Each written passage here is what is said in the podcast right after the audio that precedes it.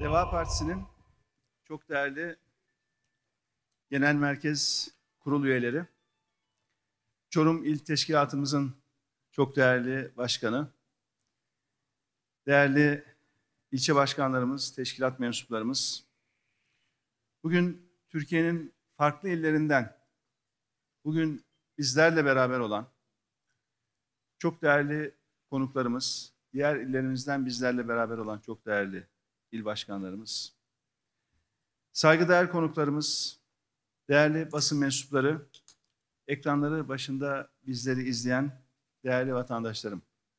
Hepinizi saygıyla, sevgiyle selamlıyorum.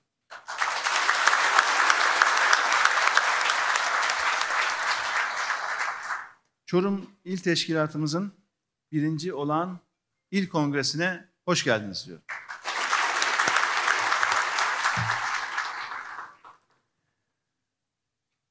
Bugün hem benim için hem de partimiz için gerçekten çok önemli bir gün, tarihi bir gün. Bugün katılabildiğim ilk il kongremizi burada Çorum'da yapmanın mutluluğunu yaşıyorum. Aslında partimizin birinci il kongresi 20 Eylül'de Ardahan'da yapılmıştı. Ancak sağlık durumum nedeniyle katılamamıştım. Biliyorsunuz bundan bir süre önce ailemle birlikte bir Covid-19 süreci geçirdik. Evde ve hastanede geçirdiğim günler boyunca da sizlerle bu buluşacağımız günleri gerçekten bekledim. Şimdi çok şükür hamdolsun sağlığıma kavuştum ve artık tekrar sizlerle beraberiz.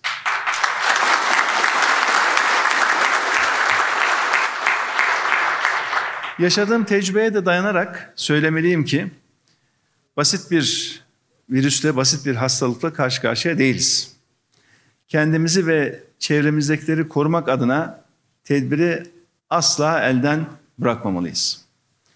İnanıyorum ki toplum olarak beraberce güçlü bir irade ortaya koyabilirsek, özellikle tedbirler konusunda, bu günleri nispeten daha kolay atlatabiliriz. Kongrelerimiz vesilesiyle her ne kadar gönlümüz sizlerle böyle sıcak bir kucaklaşmayı çok arzu etse, çok istese de gerekli tedbirlere uymak şartıyla bugün bu programı sizlerle beraber yapıyoruz ve bütün teşkilatlarımızda da tedbirler konusunda azami çabayı, özeni göstererek e, etkinliklerini, kongrelerini yapmalarını özellikle onlardan talep ediyoruz. Değerli konuklar, bugün Erzurum'da, Balıkesir'de, Batman'da, Sakarya'da, Türkiye'nin dört bir yanında ilçe kongrelerimizi gerçekleştiriyoruz. Biraz önce İdris Bey sayıyı verdi. 300'ün üzerinde ilçede görevlendirmemizi yaptık. Ve ilçe kongrelerimiz hızla Türkiye'nin dört bir yanında devam ediyor. İlçe kongreleri biten illerimizin de il kongrelerini böylece gerçekleştiriyoruz. Önümüzdeki hafta sonu kısmet olursa iki ilim, üç ilimizin bir sonraki hafta sonunda iki ilimizin daha kongresini inşallah gerçekleştireceğiz. Türkiye'yi daha müreffeh, daha huzurlu ve daha özgür bir ülke yapacağımız bir siyasi parti, bir teşkilat, bir siyasi hareket inşa ediyoruz. Ve bugün milletimizin yaralarına deva olacağımız bir uzun yolun önemli bir adımını hep birlikte burada Çorum'da atıyoruz. Eminim çoğunuz biliyorsunuz. Çorum benim ana ocağım. İnsanlık tarihinin ilk yazılı barış anlaşması olan Kadeş Anlaşması Hititlerle Mısırlar arasında bu coğrafyada imzalanmış. Kadın erkek eşitliğinin ilk tarihsel belgesine bu bölgede imza atılmış. İnanç özgürlüğünün, inançlara saygının vatanı Çorum'dan, barış kenti Çorum'dan yolculuğumuza başlıyoruz. Değerli konuklar, değerli katılımcılar, ülkemiz zor zamanlardan geçiyor. İşsizlik şu anda tarihin en yüksek seviyelerinde. Yani TÜİK'in ki Birol Bey de aramızda uzun yıllar TÜİK başkanlığı yaptı. TÜİK'in istatistikleri tuttuğu günden bugüne kadar mevsimsel düzeltilmiş işsizlik rakamlarına baktığımızda tarihin en yüksek noktasındayız şu anda. Hayat pahalılığı herkesin canını yakıyor. Adalet maalesef yok. Hukuku mumla arar olduk. Ama ümitsizliğe asla kapılmıyoruz. Ve biz her birimiz deva üyeleri olarak çok çalışıyoruz, çok çalışacağız. Laf değil, iş üretiyoruz. Dert değil, çözüm olmak için çalışıyoruz. Geçtiğimiz günlerde devletin iki kurumu arasında yaşanan ibretlik bir olay oldu. Demokratik bir ülkede asla rastlanmayacak bir polemiğe hep beraber tanık olduk. Anayasa Mahkemesi'nin aldığı bir karar üzerine bir hükümet üyesi Anayasa Mahkemesi Başkanı'nı şahsen hedef aldı. Ve iftiralar içeren, tehdit kokan açıklamalar yaptı. Mahkeme kararları elbette eleştirilebilir. Ancak ülkedeki güvenliği sağlamakla sorumlu olan bir hükümet üyesinin bir yüksek yargı mensubuna sarf ettiği sözler ülkemiz adına gerçekten utanç vericidir. Hükümetin en önemli sorumluluk alanlarından birisi olan güvenlik konusundaki aciziyeti aslında bu polemikle ortaya çıkmıştır. Hükümet kendi işini yapamadığını ilan etmiştir. Sokakların güvenli olmadığını, bir yüksek yargı mensubunun koruma olmadan sokağa çıkamayacağını kabul etmiştir. Fakat bu olayın hem hüzünlü bir tarafı var hem de umut veren bir tarafı var. Bu olay hüzünlü çünkü bugün Anayasa Mahkemesi'ni hedef alanların bir kısmı geçmişte Anayasa Mahkemesi'nin tarafsız ve bağımsız olmayışı yüzünden en çok sıkıntıyı ve acıyı çekmiş insanlar. Askeri vesayet, gün, vesayet günlerinde o yüce mahkemede görev yapan yargıçların hür iradeleriyle davranma cesaretine e, sahip olmaması yüzünden seçilme hakları gasp edilmiş, partileri kapatılmış, inanç özgürlükleri ayaklarına ayaklar altına alınmış insanlar aslında. Bugün bu mahkemeye baskı kuran insanlar. Devran döndü. Şimdi bu insanların bir kısmı iktidarda. Ancak bugünkü iktidarın kendisi vesayet rejimindeki hak hukuk tanımayan iktidarlar gibi davranmaya başladı. Güç ele geçti ya. Zaten güçle imtihan çok zor bir imtihan. Ve bakıyoruz ki bugün ne yazık ki bugünün yüksek mahkeme mensuplarına ve vesayet rejimlerinin yargıçlarına benzetmeye çalışıyorlar. Yani bugünün Anayasa Mahkemesi'ni o günkü vesayet rejiminin Anayasa Mahkemesi'ne benzetmeye çalışıyorlar. Üstelik daha 10 sene önce Anayasa Mahkemesi'ne bireysel başvuru hakkını bizlerin de içinde bulunduğu bir ekip bunu getirdi ve hak ihlallerini kısmen telafi etmek için aslında önemli bir sistem kuruldu. Bu bireysel başvuru hakkı. Bakıyoruz sizinle e, neredeyiz şu anda, bu uygulama nasıl diye baktığımızda önemli bir istatistiği de paylaşmak istiyorum. 2016'dan 2021 Haziran ayının ortasına kadar Anayasa Mahkemesi'ne 220 bin bireysel başvuruda bulunmuş. Anayasa Mahkemesi bunların bazılarını usulden incelemiş, bazılarını esastan incelemiş. Esastan incelediği hak ihlali başvurularından tam yüzde 91,8'inde Anayasa Mahkemesi hak ihlali karar vermiş. Yüzde 91.8. Demek ki bu ülkede insan hakları uygulamaları ne durumda bu istatistikten anlıyoruz. İçeride her türlü yargı yolunu tüketiyorlar. Anayasa Mahkemesi'ne başvuruyor vatandaşlarımız. Esastan incelen dosyaların 91.8'inde Anayasa Mahkemesi sen haklısın. Seni bu hale düşüren diğer yargı ve diğer kurumlar yanlış hareket etmiş diyor. İşte şimdi bireyler lehine hükmedilen bir ihlal kararına karşı çıkıyorlar ve maalesef bu tür saçma sapan açıklamalar yapabiliyorlar. Demokrasiyi hiçe sayan, güçler ayrımını hiçe sayan açıklamalar yapıyorlar. Ve ne zaman bakıyoruz ki Anayasa Mahkemesi özgürlükçü, adil bir karar vermiş, hükümetten hemen eleştiriler geliyor. Niye biliyor musunuz? Maalesef güçle imtihan diyoruz ya ve güç yozlaştırır, uzun süre güç kullanımı ve mutlak güç mutlaka yozlaştırır diyoruz ya. İşte Türkiye şu anda bununla karşı karşıya. Bunlar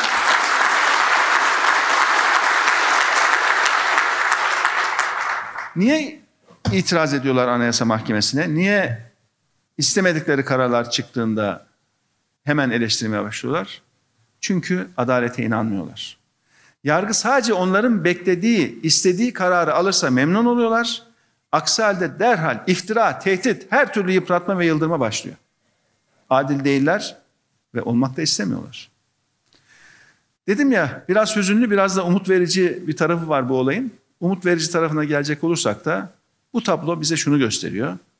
Bugünkü rejimin hala hizaya getiremediği, hala biat ettiremediği bazı kurumlar hala var ülkemizde. Ve Türkiye'de hala hakimler var.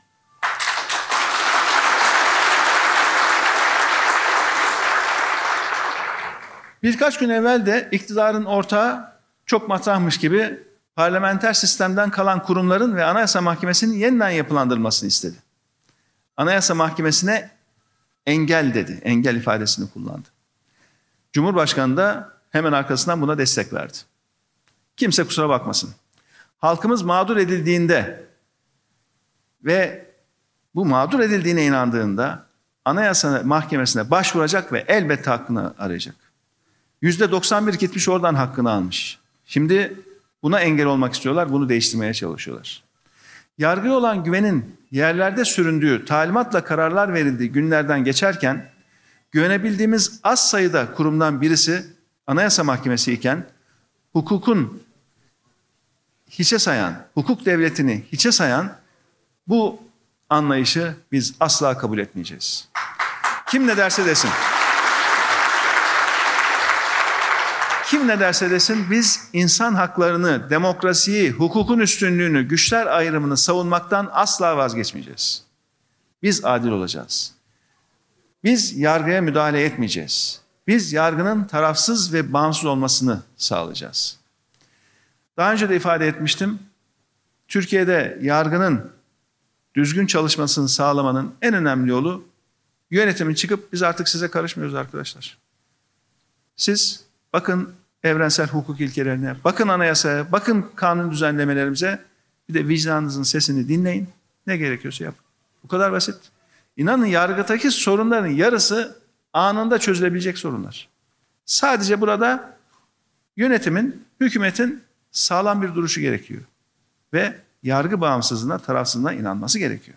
Yargıyı da kendi kontrolündeki organlardan, kendi emrindeki organlardan birisi olarak asla görmemesi gerekiyor. Biz bunları gerçekleştirmek için hazırız. Ve bunlara inanarak Türkiye'nin doğru bir şekilde yöneteceğine inanıyoruz. Biz hazırız, Türkiye'nin devası hazır.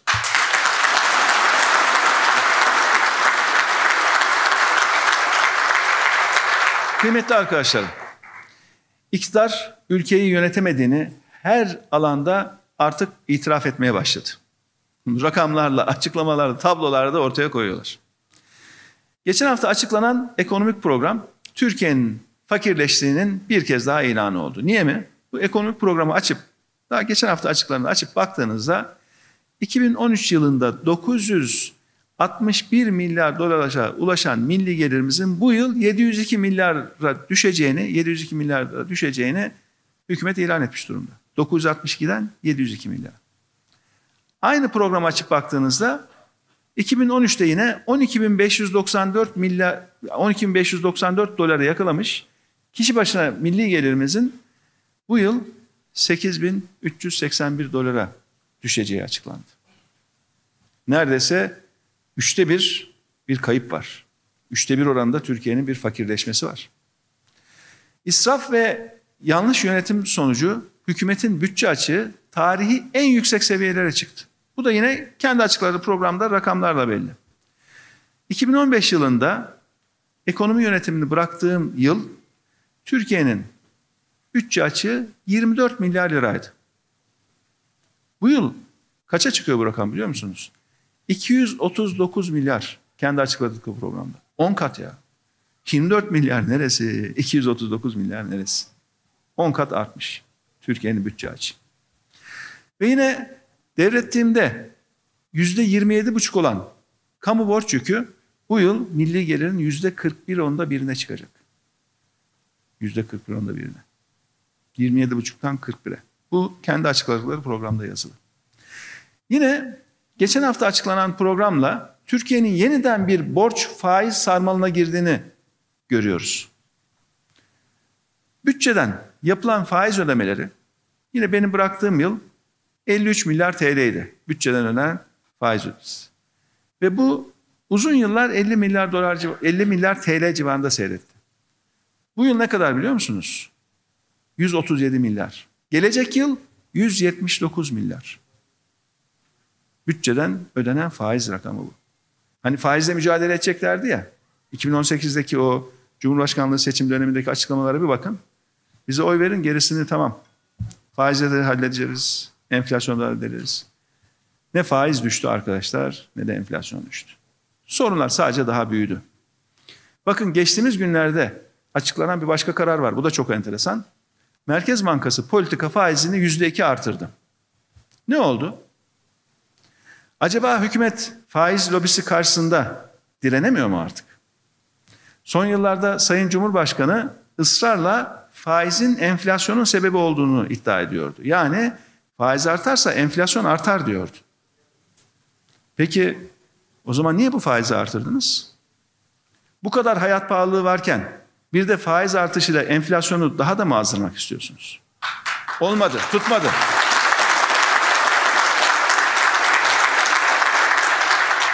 Merkez Bankası faizini sessizce artırdı. Ve bakıyoruz o gün bugündür hiç kimseden bu konuyla ilgili bir açıklama yok. Bir ara her gün duyuyorduk faiz, faiz, faizi düşüreceğiz, enflasyon düşecek tamam. Peki niye şimdi yükselttiniz? Niye bunun sebebini açıklamıyorsunuz? Merkez Bankası'nın bu işi izinsiz yapamayacağını dünya alem biliyor. Merkez Bankası artık bağımsız değil. Bakın Cumhurbaşkanı'ndan bakın aşağıya doğru hükümetteki yetkililerden bir tanesi, bakan, bakan yardımcıları bir tanesi açıkladı mı? Bir tanesi bununla ilgili konuştu mu? Bunu anlatacak, savunacak birisi oldu mu diye şöyle bir bakın. Maalesef işte o günden bugüne hükümetten çıt yok ve bu esnada ne oldu?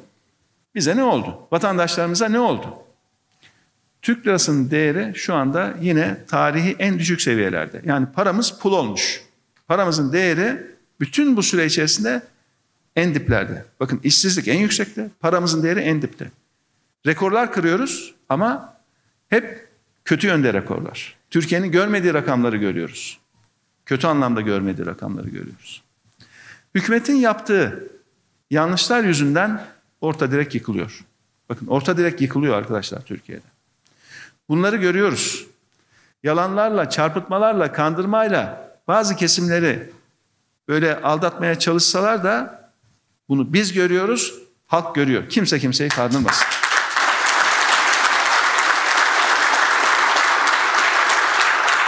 Bir de diyorlar ki son günlerde biz döviz kuruna bakmıyoruz, ilgilenmiyoruz.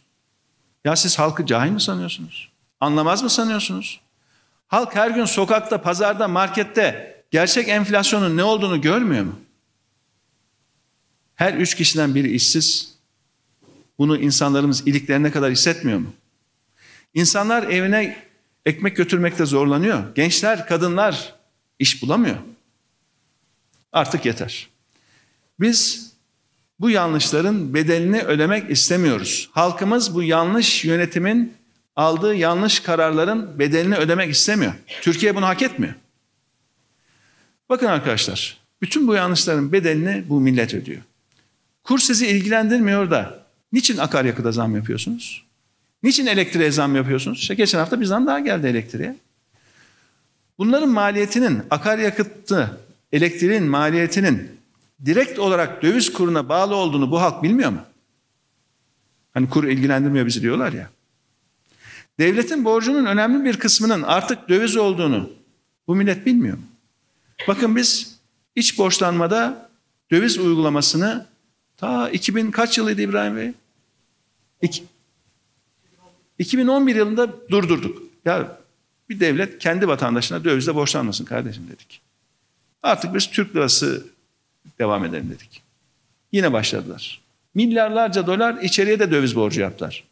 E senin içeriye döviz borcun var, dışarıya döviz borcun var. Devlet olarak kur beni ilgilendirmiyor diyorsun. Bu ne hesap bilmezliktir ya. Yani ya bu kendilerinin cahil olduğunu gösteriyor ya da halkı cahil yerine koymak istediklerini gösteriyor. Kabul edemez böyle bir şey.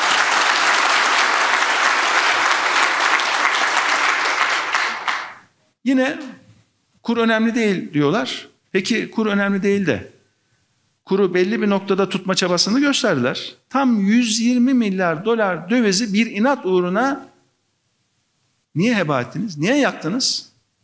1 Ocak 2019'dan bugüne kadar Merkez Bankası'nın doğrudan ya da gizli örtülü kamu bankaları eliyle bu sattığı ve adeta yakıp tükettiği, erittiği rakam 120 milyar dolar. Bir sene 9 ayda yaktılar bunu. Yıllardır, yıllardır sent sent biriktirildi o döviz.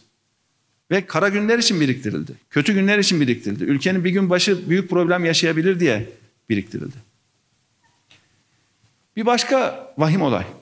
Yıllardır Merkez Bankası'nın hesaplarında biriken yedek akçeler vardır. Yıllardır biriktirdik, biriktirdik, biriktirdik, biriktirdik.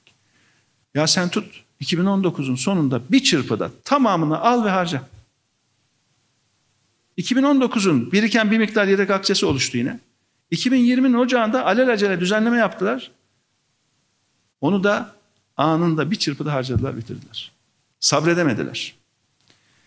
Gerçekten değerli arkadaşlar içimiz kana alıyor bu tabloyu görünce. Yani bir zamanlar sorumluluk üstlenmiş ve pek çok başarıya imza atmış bir ekip olarak bugün buradayız, aranızdayız. İçimiz bunları gördükçe kana alıyor. Yazık bu ülkeye, yazık bu memlekete. Her birimizi hatta bugün yeni doğan bebekleri borca soktular. Ülkeyi fakir, fakirleştirdiler. Bundan bakın bir başka örnek. Dört yıl önce varlık fonu diye bir şey kurdular. Varlık fonu. Ben hükümette olduğum süre içerisinde bunu çok istiyorlardı. İzin vermedik, yaptırtmadık ama ayrılmamdan hemen sonra varlık fonunu kurdular. Bu fon nasıl bir fon? En önemli özelliği ihale mevzuatının tamamen dışında. Hiçbir iş için ihale yapmak zorunda değil. Yani bir yarışma marışma hiçbir şey yok. Yine hiçbir düzenlemeye tabi değil ve hiçbir denetim mekanizmasına tabi değil.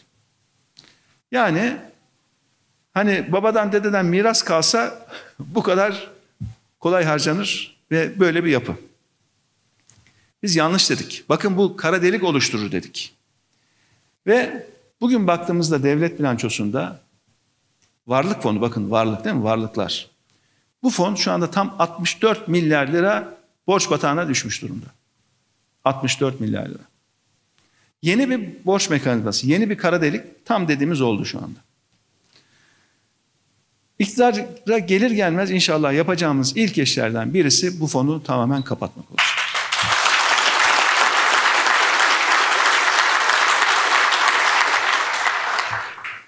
Biz arkadaşlar bu kötü yönetimi sona erdirmek zorundayız. Ekonomiyi ehil olmayan ellerden kurtarmak zorundayız. Bu milletin kaynaklarını küçücük bir zümrenin çıkarı uğruna heba eden bu anlayışa son vermek zorundayız.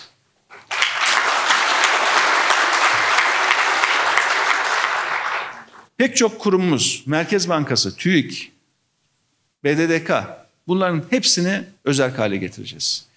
İktidar olanların niyetleriyle şekillenen keyfi kararlarla ülkenin geleceğini hedef alan tüm uygulamalara son vereceğiz. Saygıdeğer konuklar, ülkemizin en önemli ekonomik sorunu bugün işsizlik. Yatırım olmadan istihdam oluşmaz. İşsizlik sorunu çözülemez. Ama yatırımcı da bir güven ortamı ister. Geleceğini görmek ister. Ülkemizin sorunlarının çözümü ancak ve ancak bu milletin, çalışanların, yatırımcıların geleceğe güvenle bakmasıyla mümkün. Oysa bu iktidarın artık güven ortamını tesis etme imkanı kalmamıştır. Boşuna beklerler. Bak inanın yatırım olacak diye boşuna beklerler. Siz devletin ekonomiyle ilgili istatistiklerin pek çoğuyla oynayın. Doğru olmayan rakamları yayınlayın. Biraz sonra geleceğim. Sağlık, can ya. ya bu konuda da artık vatandaş aldatılmaya çalışılır mı? Bu harcadıkları açıklanan biliyorsunuz sağlık tablolarının doğru olmadıklarını geçen günlerde kendileri açıkladılar. Kendileri ortaya koydular. Hiçbir uluslararası standarda sığmayan bir şekilde bu Covid-19 salgını ile ilgili verilerin ortaya konduğunu maalesef hep beraber öğrendik. Şimdi doğruyu söylemeyen, doğru rakam açıklamayan bir iktidar başta olduğu sürece yatırımcı yatırım yapmaz bu ülkeye. Yeni istihdam oluşmaz. İşsizlik sorunu artmaya maalesef üzülerek söylüyorum devam edecek bu ülkede. Güvenilir bir yönetim olmadıktan sonra yatırım olmaz. Yatırım olmayınca yeni iş sahaları açılmaz. İşsizlik bu Türkiye'de, ülkede azalmaz.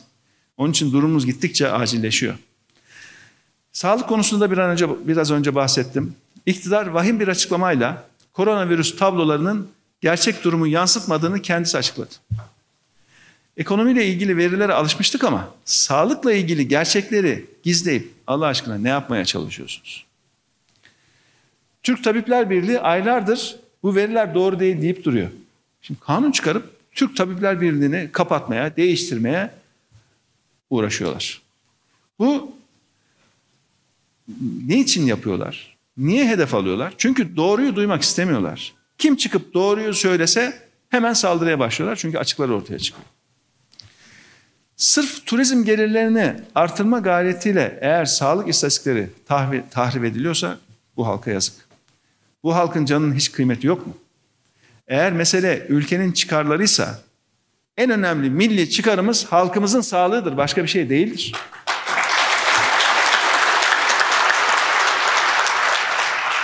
Buradan yine hükümete ve ortaklarına sesleniyorum.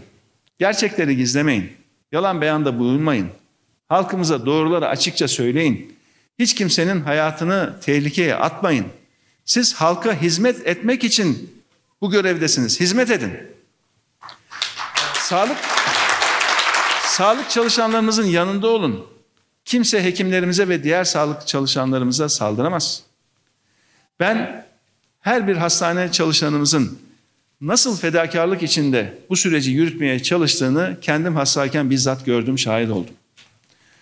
Haklarını alamasalar da her biri büyük bir risk altında kahramanca mücadele ediyorlar bu hastalıkla. İstediği zaman para bulan bu iktidar konu sağlık ve eğitime gelince para bulamıyor. İlaç ve tıbbi malzeme tedarik eden firmaların borçlarını ödeyemedikleri artık o firmalar tarafından isyan olarak biliyorsunuz ortaya döküldü. Gidiyorlar gösteri yapıp paramızı alamıyoruz yıllardır diyorlar. Her yere para var ama konu sağlık olunca yok, konu eğitim olunca yok. Devletin bütçesi iflas noktasında. Gerçekten hazine tam takır. Borçları ödeyecek paraları yok. Piyasaya olan borçlarının ödeyecek para kalmamış. Bakın yedek akçeleri tüketiyorlar. Ona rağmen para yok.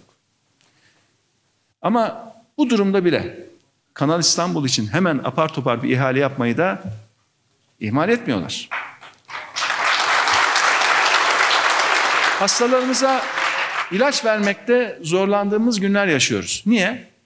Ne oldu da bu duruma düştük? Bütün bunların sebebi değerli arkadaşlar kötü yönetim. Bu iktidar artık bu ülkeyi yönetemiyor. Yanlış ve günübirlik kararlarla ülke yönetilmez. Kurumlara ve liyakatı bitirdiğiniz zaman yönetemezsiniz. Kurum bırakmadınız. Liyakat bitti. Ehil insanlar, dürüst insanlar iş başında olmadan başarı elde edemezsiniz.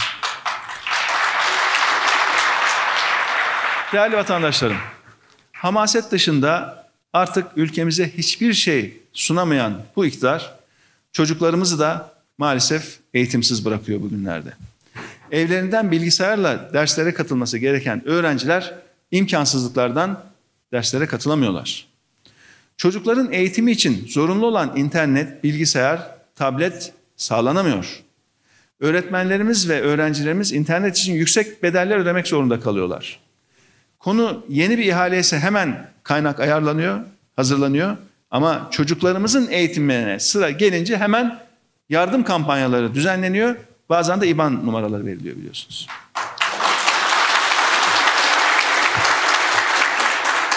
Bakın değerli arkadaşlar, eğitim bir haktır. Devletin görevi eğitimde fırsat eşitliğini sağlamaktır. Devlet pandemi koşullarında öğrencilerimize evde ücretsiz olarak tüm eğitim imkanlarını sağlamak zorundadır. BİSTA ilk Türkiye'de pandemi vakası olduğundan bir hafta sonra tedbir paketi açıkladık. Henüz partimiz o gün 8 günlük bir siyasi partiydi. 9 Mart'ta kuruldu partimiz. 17 Mart'ta açıkladık tedbirlerimizi. Ve buna vurgu yaptık. Bu gerekecek dedik bakın. Hızlı, güvenli ve özellikle öğrenciler için ücretsiz internet bağlantısı. İmkanı olmayan ailelerle imkanı olan aileler arasında Türkiye'de ilk defa eğitimde uçurum bu kadar büyümüş durumda. Yoksul ailelerin çocukları eğitim imkanlarından maalesef mahrum kalıyorlar. İktidar ne uzaktan eğitimi becerebiliyor ne yakından eğitimi becerebiliyor şu anda. Hala eğitimde bir yol haritası yok. Bu sene sınavlara girecek öğrencilerimiz sınav müfredatını bilmiyor. Bütün bu belirsizlik de gençlerimizin, körpecik çocuklarımızın ta küçük yaşlarda gelecekle ilgili umudunu yok ediyor. Buradan bir kere daha seslenmek istiyorum. İktidar eğitimde yol haritasını derhal belirlemedir. Öğrencilerimize ve eğitimcilerimize ücretsiz internet ve teknik donanımı sağlamak zorundadır. Bizim de içinde olduğumuz ekip ücretsiz kitap dağıttı biliyorsunuz. Bütün Türkiye yıllarca bu başarıyla devam etti. Şimdi benzer bir yöntemi uzaktan eğitimde maalesef uygulayamıyorlar. Eğitimde fırsat eşitliğinin sağlanması ve en ücra köylere dahi bu hizmetin verilmesi gerekiyor. Ahlat'a, Marmaris'e yapılan saraylar var biliyorsunuz. Yüz milyonlarca lira para harcanıyor oralara. Ve çocuklarımızın geleceği için yapılacak eğitim harcamalarından maalesef kaçınma söz konusu, oraya gelince kaynak bulamama söz konusu. Değerli arkadaşlar, bir ülkenin itibarı lükse yapılan harcamalarla ölçülmez. Bir ülkenin itibarı o halkının, o ülkenin halkının yaşam standartlarıyla ölçülür. Çocuklarının geleceğine yaptığı yatırımla ölçülür. Eğer itibarlı ülke olacaksanız vatandaşın yatı, topyekün yaşam standartını yükselteceksiniz. Şimdi baktığımızda duruma değerli arkadaşlar biz ne yapacağız? Gerçekten insan odaklı, fırsat eşitliğini gözeten bir eğitim sistemi kurmak zorundayız. Biz bunu yaparız. Çocuklarımıza hak ettikleri eğitimi 3 yaşından itibaren ücretsiz sağlayacağımızı zaten parti programımızda taahhüt ettik. Bugün bugün kendi yetersizliklerini kimlik siyasetiyle örtmeye çalışan kendi yetersizliklerini kimlik siyasetiyle örtmeye çalışan bir iktidar maalesef söz konusu. Ve şöyle baktığımızda e,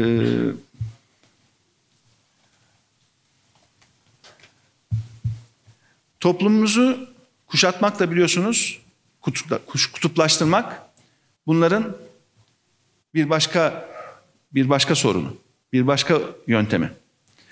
Bugünkü yönetime baktığımızda ancak bu sistemle ilgili bir sorun var arkadaşlar. Farkında mısınız bilmiyorum ama bir onu hatırlatayım. Bugünkü yönetime baktığımızda insan haklarını, özgürlükleri, demokrasiyi, ekonomiyi onaracak, halkımıza insanlık onurunu yaraşır bir şekilde, e, onuruna yaraşır bir şekilde sunacak bir ne bir yönetim görüyoruz ne bir iktidar görüyoruz maalesef. Gençlerimiz, kadınlarımız, yatırımcılarımız şu anda bu ülkeden göç etmekte.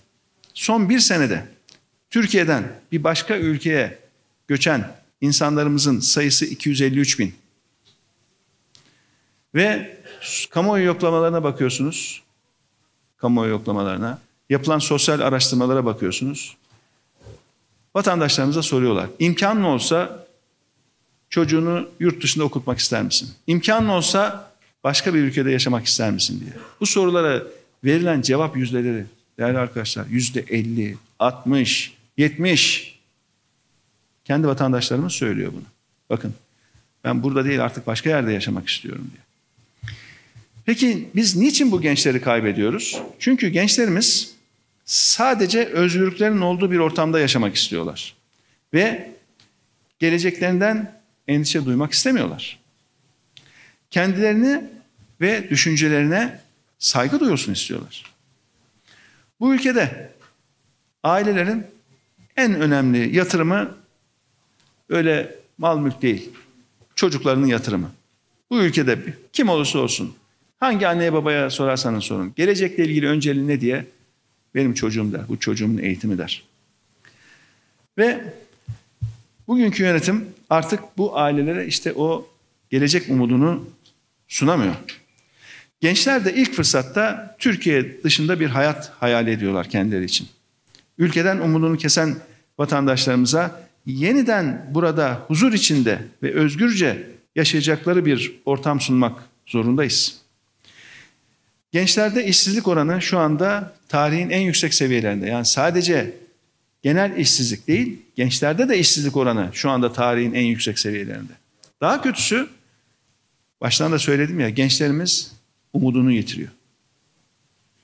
Ve bu ülkeye olan inançlarını yitiriyor. Kamu kurumlarında mülakat sistemi var biliyorsunuz. Liyakatlı kişilere değil, nüfuzlu kişiler şu anda maalesef işe alınıyor. Biz ne dedik? Parti programımızda da açıkladık.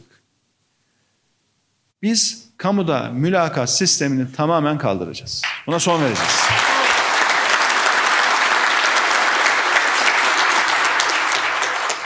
Kamuda işi referansı olana değil, o işte ehil olana vereceğiz. Biz gençlerin umudunu çalanlara karşı onlarla birlikte yepyeni, özgür, zengin bir ülke için hazırız. Türkiye'nin hepimizin hak ettiği gibi demokratik, özgürlükçü, müreffeh bir hukuk devleti olması için biz buradayız. Bakın bugün bakın bugün esnafımız kepenklerini indirmek zorunda kalıyor. Çiftçilerimiz hızla artan girdi maliyetleri karşısında çaresiz kalıyor. Koronavirüs döneminde diğer ülkeler özellikle küçük işletmelere teşvikler, hibeler veriyor. Öyle borç değil. Bizde ne yapılıyor? Hükümet ne yaptı? Küçük kredi uygulamalarıyla esnafımızın ve çiftçilerimizin sorunlarını sadece ötelemeye ertelemeye çalıştı. Üstelik bu süre içerisinde üzerine faizini de ekleyerek yaptı bunu. Devlet bir kira desteği vermedi. Olmayan gelirin ve çalışmayan işçinin vergi ve prim ödemelerini durdurmadı, sadece erteledi. Niye? Bakıyorlar kasada para yok. Peki başka ülkeler bunu nasıl çözdü? Para politikasıyla, maliye politikasıyla çözdü. Ama o ülkelerin itibarı var. Güven var. Ekonomilerine güven var. Bizde maalesef bunlar yapılamadı. Çalışamayan, dükkanını kapatan esnafa geçimi için yardım edilemedi. Esnafımız, çiftçimiz kaderiyle baş başa bırakıldı. Bu adalet midir? Bu hak mıdır? Şatafata gösterişe yapılan harcamalarda kayıtsızca bir davranış var. Ama esnafın kepenk kapatılması, kapatması sadece sessizce izleniyor. Değerli arkadaşlar, biz Deva Partisi olarak amacımız Türkiye'ye kaderinin bu olmadığını göstermektir. Yani şu anda yaşadığımız zorluklar bu ülkenin kaderi değil. Biz söz değil, iş öğreteceğiz.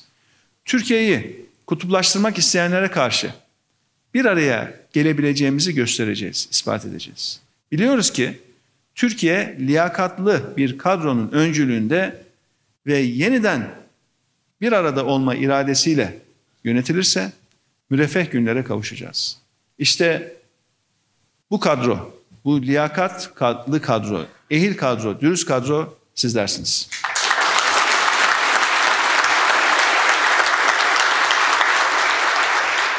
Deva Partisi kadroları ülkemizin ihtiyaç duyduğu umut ışığıdır. Teşkilatımız basının susturduğu, televizyon kanallarının karartıldığı, meydanların boşaltıldığı şu günlerde kapı kapı dolaşıp insanlara devayı anlatacak. Sesimizin Türkiye'nin her sokağında yankılanması için çalışmak hepimizin bu ülkemize borcudur. Türkiye'de politika yapmanın tek şartının cüzdan doluluğu olduğu gerçeğini artık değiştiriyoruz. Şöyle bir teşkilatlanma yapımıza baktığımız zaman artık böyle değil. Bizim teşkilat mensuplarımız paraları ya da tanıdıklarıyla değil, birikimleri ve nitelikleriyle burada bulunan insanlardır.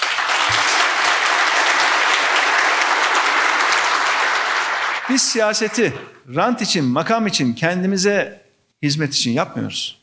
Yapmayacağız. Biz siyaseti ülkemiz için, inandığımız değerler için, milletimizin huzuru ve refahı için yapacağız.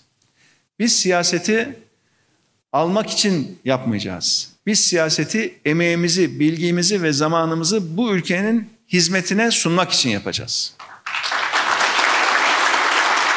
Biz Deva Partisi olarak ülkemizin insanlarını can kulağıyla dinliyoruz. Zira toplumun gündeminden kopmuş ve bir külliyeye, saraya, dar bir kadroya sıkışmış bir yönetimin ülkemizin sorunlarına çözüm üretmesi mümkün değildir. Kıymetli Çorumlu kardeşlerim, bu şehrin 5000 yıllık eşsiz bir tarihi vardır. Alacahöyük'ün, Hattuşaş'ın başkenti olan şehrimiz hem yatırımlardan hem de turizmden mahrum olmuştur. Osmanlı'dan, Selçuklulardan kalma tarihi eserlerin bulunduğu müzelerimizin, öğren yerlerimizin tanıtımı yetersiz kalmıştır. Dünyanın neresinde olursa olsun üstüne el üstünde tutulacak bu tarihi miras hükümetin desteklerinden şu anda mahrum kalmıştır ve turizm açısından baktığımızda Çorum maalesef şu anda mahrumdur. Biliyorum yıllardır Çorum'u teşviklerden, yatırımlardan, desteklerden mahrum kaldığını biliyorum. Öyle ki şehre en büyük istihdam sağlayan kurumlardan birisi ki girerken de önünden geçtik. Çimento fabrikası biliyorsunuz iki sene önce kapatıldı. Oysa Çorum İç Anadolu'nun Karadeniz'e açılan kapısıdır. Yıllarca tarım şehri olarak biliniyor Çorum ama tarımsal sanayide ve çeşitlenen sanayi kollarında büyük bir potansiyeli vardır ilimizin. COBİ'lerin güçlenmesiyle Çorum çok daha güçlü, büyük bir sanayi şehri olmaya adaydır. Temelleri 1977 yılında atılan Çorum Organize Sanayi Bölgesi sadece Çorum için değil, bölge için de önemli bir imkan sunmaktadır. İktidara geldiğimizde Çorum ilimizi hak ettiği düzeyde kamu yardım ve yatırımlarından faydalandıracağız. Ulaşım Ulaşım altyapısını yeniden baştan aşağı ele alarak Ankara, Kırıkkale, Çorum, Samsun hızlı demir yolu projesini başlatacağız ve sonuçlandıracağız. Çorum'un yetersiz olan sağlık altyapısını hızla iyileştireceğiz. Sulu tarım alanlarını özellikle pirinç ekim alanlarını geliştireceğiz ve Osmancık pirincinin markalaşmasına yönelik her türlü desteği vereceğiz.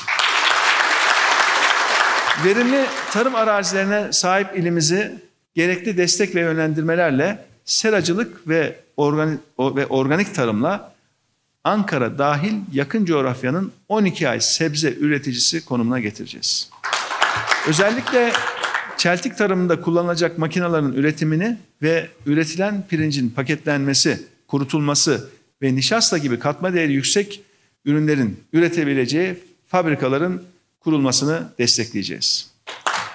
Obruk Barajı ve Kızılırmak Nehri kültür balıkçılığı yapmaya uygun bir ortam sunmakta. Kültür balıkçılığının önemli bir geçim haline, geçim kaynağı haline getireceğiz. Entegre et ve süt ürünleri işleme tesis projeleriyle hayvancılık sektörünün katma değerini yükselteceğiz.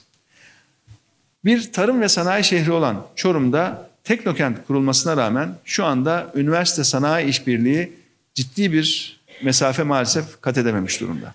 İşte o üniversite sanayi işbirliğinin ve ARGE'nin geliştirilmesine yönelik her türlü teşvik ve desteği de Çorum'a vereceğiz.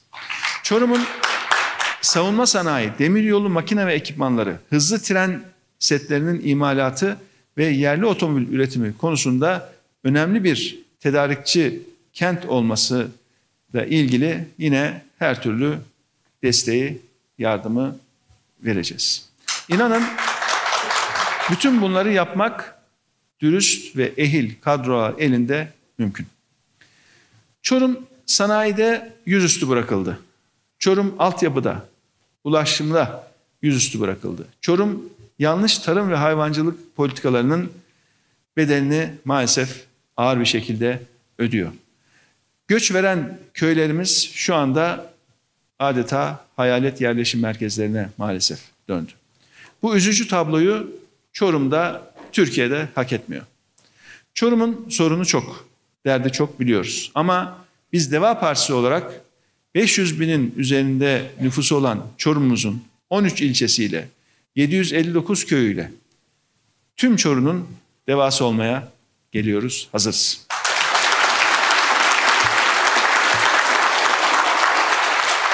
Şimdi ben buradan tabii Çorum teşkilat mensuplarımıza sormak istiyorum. Değerli Çorumlular, değerli arkadaşlar, değerli hemşerilerim. Çorum'un devası olmaya hazır mısınız? Bu biraz yavaş oldu. Biraz cılız kaldı ses. Çorum'un Çorum'un devası olmaya hazır mıyız? Hazır. Tamam. İnşallah.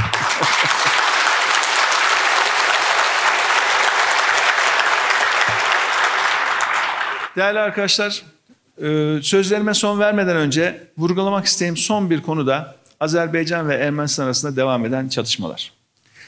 Ermenistan tarafından işgal edilen Dağlık Karabağ bölgesi Azerbaycan Cumhuriyeti'nin öz toprağıdır. Biz Ermenistan'ın bu hukuksuz işgali derhal sonlandırılması gerektiğini düşünüyoruz ve Azerbaycan'ın uluslararası hukuktan kaynaklanan haklarını sonuna kadar destekliyoruz.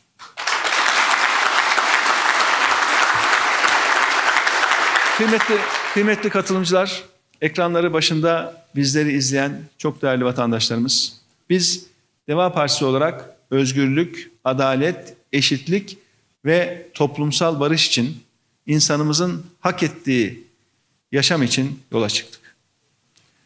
İlk adımı buradan atıyoruz. Ama önümüzde çetrefilli bir yol, uzun sürecek bir mücadele var. Türkiye'de kutuplaşmadan değil, güvenden, kayırmacılıktan değil, liyakattan beslenen siyaseti hakim kılacağız. Kadınların ve gençlerin en önde yer aldığı, herkesin eşit seviyede söz sahibi olduğu, engelli vatandaşlarımızın siyasette engellenmediği partimizle, Deva Partimizle adalet için, hukuk için ve özgürlük için geliyoruz. Çözüm haritamız belli. Çözümün sözcüsü bizler olacağız. Ayrışmayacağız. Hep beraber Türkiye'nin yaralarını saracağız. Artık Türkiye'nin devası var ve Çorum hazır, Türkiye hazır, biz hazırız. Hepinize